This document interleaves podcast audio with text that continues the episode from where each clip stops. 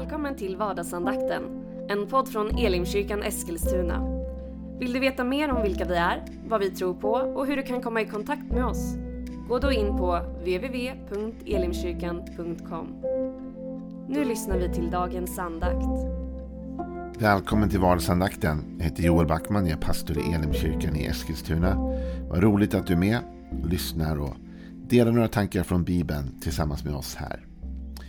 Vi håller på att läsa igenom Efesierbrevet. Och det gör vi därför att det är kyrkans temabok för i år kan man säga. Och vi har kommit till andra kapitlet. Om du nu tänker så här, jag har inte tänkt med tidigare, jag är ny lyssnare. Ja, men det gör inget. Varje dag är sitt eget avsnitt, sin egen tanke. Vi har nått fram till vers 9 i det andra kapitlet. Men för att den ska vara förståelig så läser vi också vers 8. Så vers 8 och 9 i Efesierbrevet 2. Ty av nåd är ni frälsta genom tron. Inte av er själva, Guds gåva är det. Det beror inte på gärningar, ingen ska kunna berömma sig. Jag älskar nåd. Det är ett tema som verkligen betyder mycket för mig och som jag tror genomsyrar det mesta av vad jag gör och vad jag försöker att också vara med och leda församlingen i för riktning nåd. Det var något som jag började studera för några år sedan när vi hade ett temaår i Elimkyrkan. Vi körde ett nådens år kallade vi det. Och det resulterade faktiskt till min bok som jag och min far skrev sen som hette Guds nåd sådan den verkligen är. Det är en väldigt bra bok. Jag rekommenderar den gärna. Om du vill ha den, skriv ett mejl till mig, joelsnabelaelimkyrkan.com så kan du få köpa den för 100 kronor. Nåd. Det är en Guds gåva. Det här är den stora skillnaden. Vi talade om det igår. Att i det gamla förbundet så blev en människa rättfärdig genom sitt agerande. Och i det nya testamentet så blir vi gjorda rättfärdiga genom Guds agerande. Och Det betyder att det beror inte längre på våra gärningar som vers 9 börjar. Det beror inte på gärningar. Ingen ska kunna berömma sig. Och Det här är det vackra i det nya förbundet att självrättfärdigheten, självberömmelsen tonar ut och Jesus blir större. Därför nu handlar allt om vad Jesus gjorde. Inte om vad jag kan åstadkomma, vad du kan åstadkomma, vad vi alla lever upp till för mål och ribber. Utan nu handlar det faktiskt om vad Gud har gjort genom Jesus Kristus och hur jag ställer mig till det han har gjort. Det beror inte längre på mina gärningar. Och det där kan man tycka är jätteskönt. Och för en del är det också väldigt jobbigt. Därför att man vill ha gärningar att peka på. Därför det är ju lite skönt att vara lite egenrättfärdig. Det kittlar ju egot att känna att man är bättre än de andra. Alltså fariseerna, de tyckte att det var ganska skönt kanske att alla såg dem lite för mer. Att de var något annat. De var lite upphöjda. De levde på ett annat sätt. De var bättre. Men det är inte dina eller mina gärningar det handlar om. Utan nu handlar allt om vad Jesus har gjort. Och det var ganska nyligen jag faktiskt pratade med någon igen och, om himmelen och vi fick reda ut liksom, vem kommer, kan, tror du jag kommer till himlen? Vet du, det handlar inte om vad du har gjort längre. Utan nu handlar det om vad Jesus har gjort och hur du ställer dig till det. Vi har alla syndat. Vi har alla gått miste om härligheten från Gud. Vi skulle alla missa himmelen. Men det handlar inte längre om vad du och jag har gjort, utan nu handlar det om vad Jesus har gjort. Har han dött för dig? Har han betalt priset för dig? Har han tagit din synd och skuld och dött en ställföreträdande död i ditt ställe? Ja, liksom. Ja, men då är du på väg till himmelen. För det är hur du och jag ställer oss till det som är avgörande. Om vi tror på det eller inte. Ingen kan längre berömma sig. Det finns inget beröm kvar. Utan Jesus är allt i alla.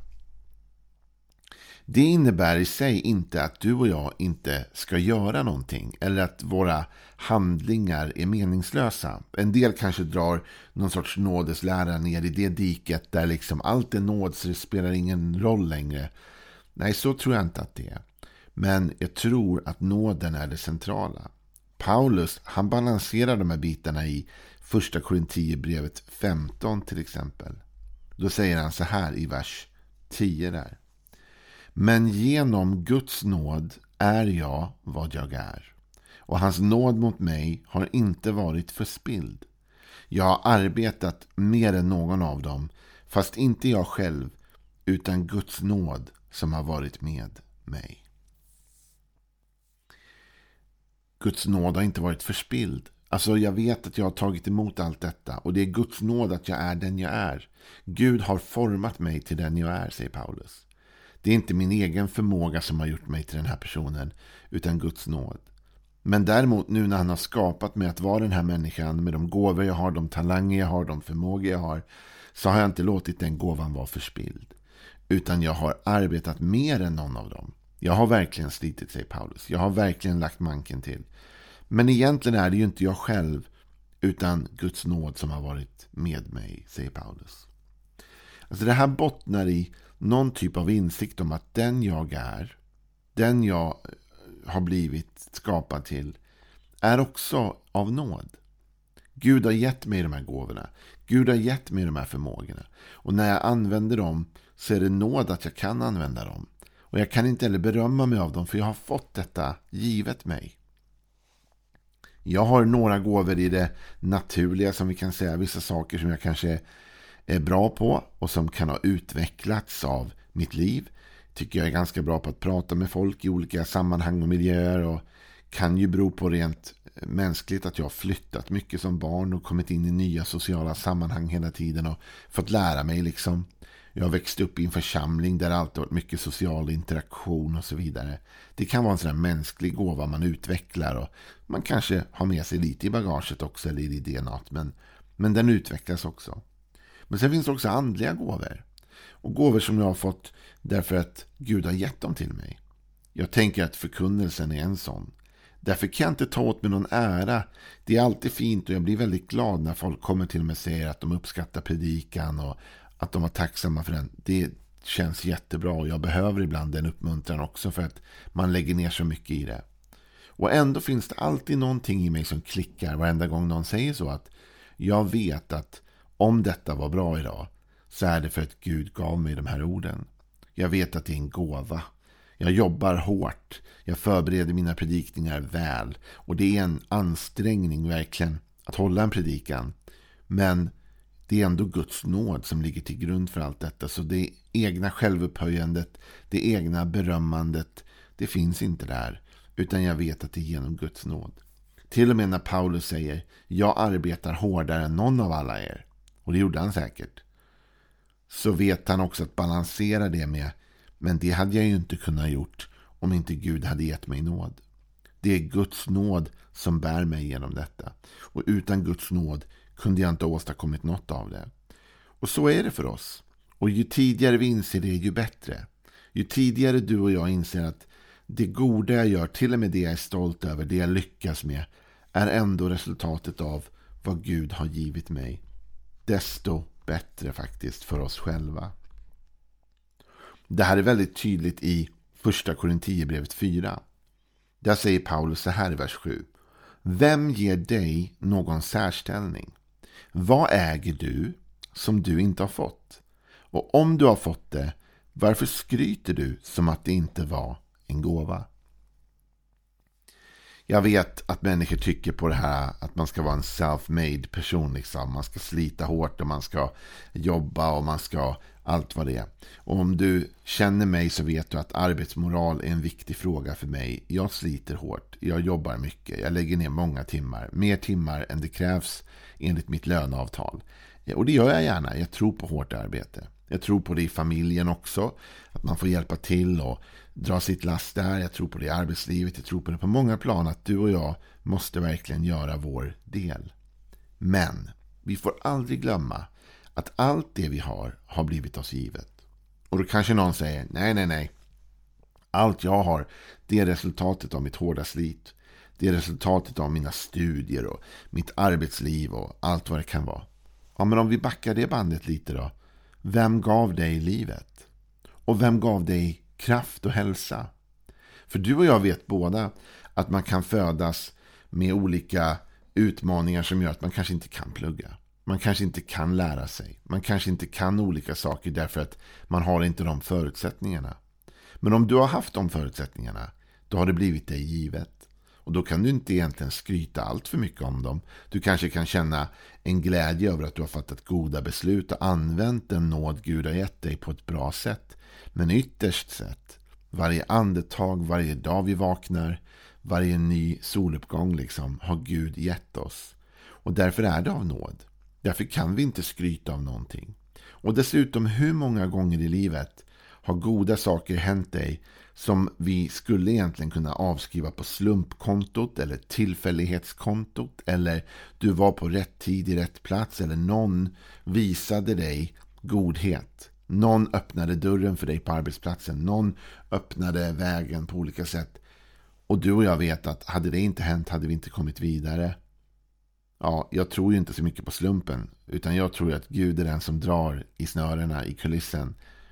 Och då tänker jag att det där är nåd. Alla gånger Gud har öppnat en dörr för mig. Alla gånger människor har gett mig favör. Alla gånger människor har sett välvilligt på mig och liksom hjälpt mig vidare. Är Guds nåd. Du och jag kan inte skryta. Vi kan bara vara tacksamma. Tacksamma för allt det Gud har gett oss. Och till och med när vi använder vår styrka maximalt och vi använder vårt intellekt maximalt och till och med när vi fattar de bästa besluten som går att fatta så att säga. Så är det ändå bara nåd. Därför vi har fått vår förmåga, vår kraft, vårt intellekt, vår styrka, vår förmåga att lära oss. Allt vad det är, är ju givet oss av Gud. Och hade inte Gud gett oss förutsättningarna, hade inte Gud radat upp omständigheterna på det sätt han har gjort, så hade vi aldrig tagit oss dit där vi är. Utan vi vet att vi får vila i Guds nåd. Därför är jag alltid väldigt försiktig med alla de här skrytpellarna i kyrkan. Därför att det finns inte så värst mycket att skryta om mer än om Jesus. Om Jesus kan vi skryta dagen lång. Om honom kan vi verkligen sjunga hans lov hela tiden. Va? För att Jesus är den som har gjort allt för oss. Utan honom vore vi förlorade. Genom hans kraft förmår vi allt. Allt förmår jag genom honom eller i honom som ger mig kraft. Så då är det ju han som ska ha äran. Jag förmår det inte i egen kraft, men jag förmår det i den kraft han ger mig. Det finns fler tankar om detta med nåd. Galaterbrevet är Paulus supertydlig med detta. Det är ju verkligen det brev i Bibeln där nåden lyfts fram på ett särskilt sätt. Och vill du förstå Guds nåd ännu bättre så kan du ett köpa min bok, men du kan två också läsa Galaterbrevet. För Galaterbrevet är den bok i Bibeln som verkligen bearbetar frågan om nåden. Och Paulus skriver till dem därför de har börjat glida i den här frågan. De har börjat tappa fokus församlingen och börjat få för sig liksom att det är deras eget agerande som gör det, som make it or break it. Och det säger Paulus så här i Galaterbrevet 3. Vilka dårar ni är galater. Vem har förhäxat er? Ni har ju ändå fått Jesus Kristus framställd för era ögon som korsfäst. Svara mig på en enda sak. Var det genom att fullgöra lagen som ni fick anden? Eller genom att tro på vad ni fick höra? Hur kan ni vara sådana dårar? Ska det som för er började med anden nu sluta med köttet? Har allt ni varit med om varit förgäves? Det kan inte ha varit förgäves. När han nu ger er anden och låter underverk ske bland er, är det för att ni följer lagen eller för att ni tror på vad ni har fått höra? Se på Abraham, han trodde på Gud och därför räknades han som rättfärdig. Det är inte bara galaterna som brottas med det här. Jag lyssnade faktiskt på en undervisning ganska nyligen av en person som jag egentligen har ganska stort förtroende för, men jag gillade inte riktigt den undervisning jag hörde.